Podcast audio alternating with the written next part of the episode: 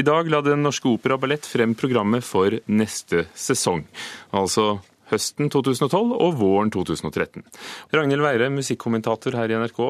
Med dette programmet, som de kaller for rekord, hvilken retning går Den Norske Opera?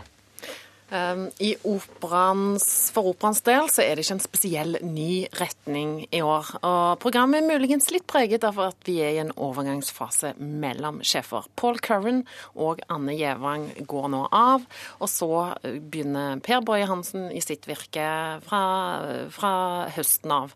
Så mm, Kanskje det sterkeste preget var at ja, det er en viss økning av eh, volumet i år. Men hva består denne økningen i? Eh, der er en del nye oppsetninger på hovedscenen, og de er av lettere karakter. Det er et preg som stikker seg ut. Eh, for første gang så får vi nemlig operette i Bjørvika. En sjanger som jo er den mest folkelige operasjangeren da. Eh, komisk opera, forviklingskomedie, 'Flaggermusen' av valsekongen Johan Strauss den yngre.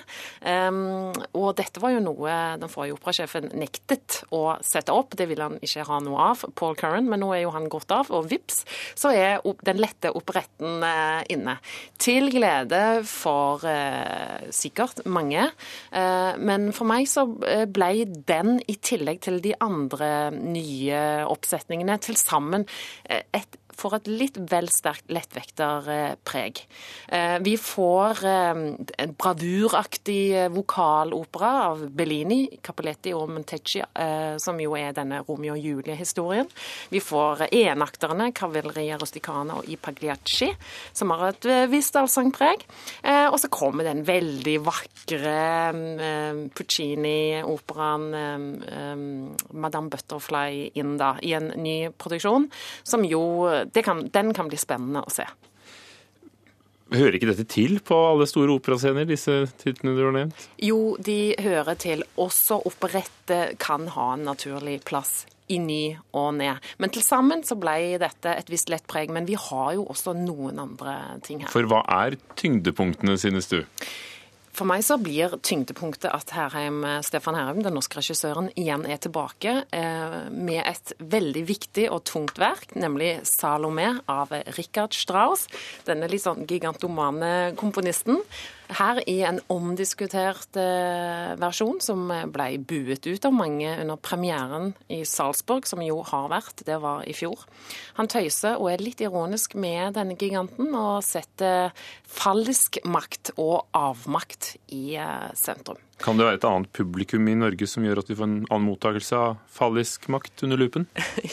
ja, jeg tror kanskje at vi i Norge, som den unge operanasjonen vi er, er mer åpne for litt utradisjonelle versjoner av klassikerne.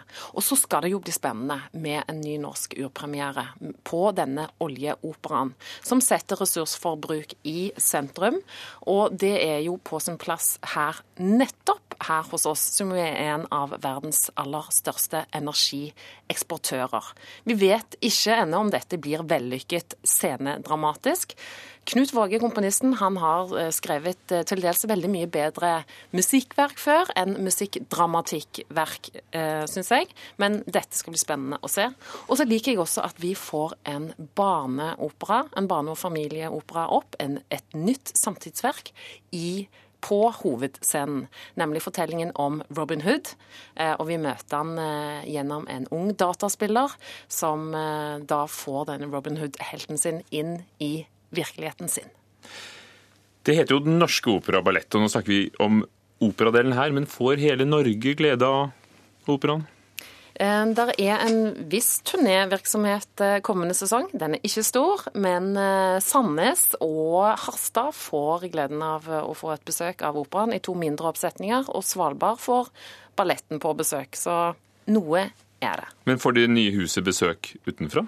Fra hele landet? Ja, det har jo også vært et tema at omlandet, omverdenen, vil også få lov til å komme inn i storstua.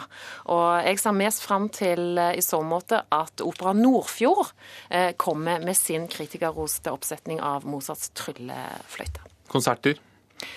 Jeg gleder meg veldig til at Berlinfilharmonien, et av verdens beste orkestre, kommer inn igjen. Og Antonio Papano kommer med sitt spesialoperaorkester Santa Cecilia. Hvordan står operaen seg i forhold til ballettprogrammet, som jo også ble lagt frem i dag? Fremdeles er det slik at balletten har flest urpremierer og flest nye produksjoner, og flest produksjoner i det hele tatt, eh, som eh, det ser ut for meg nå. Eh, så får vi se hva operaen kommer opp med etter hvert. Ragnhild Være, musikkritiker, takk for at du så på operaprogrammet for høsten 2012 og våren 2013.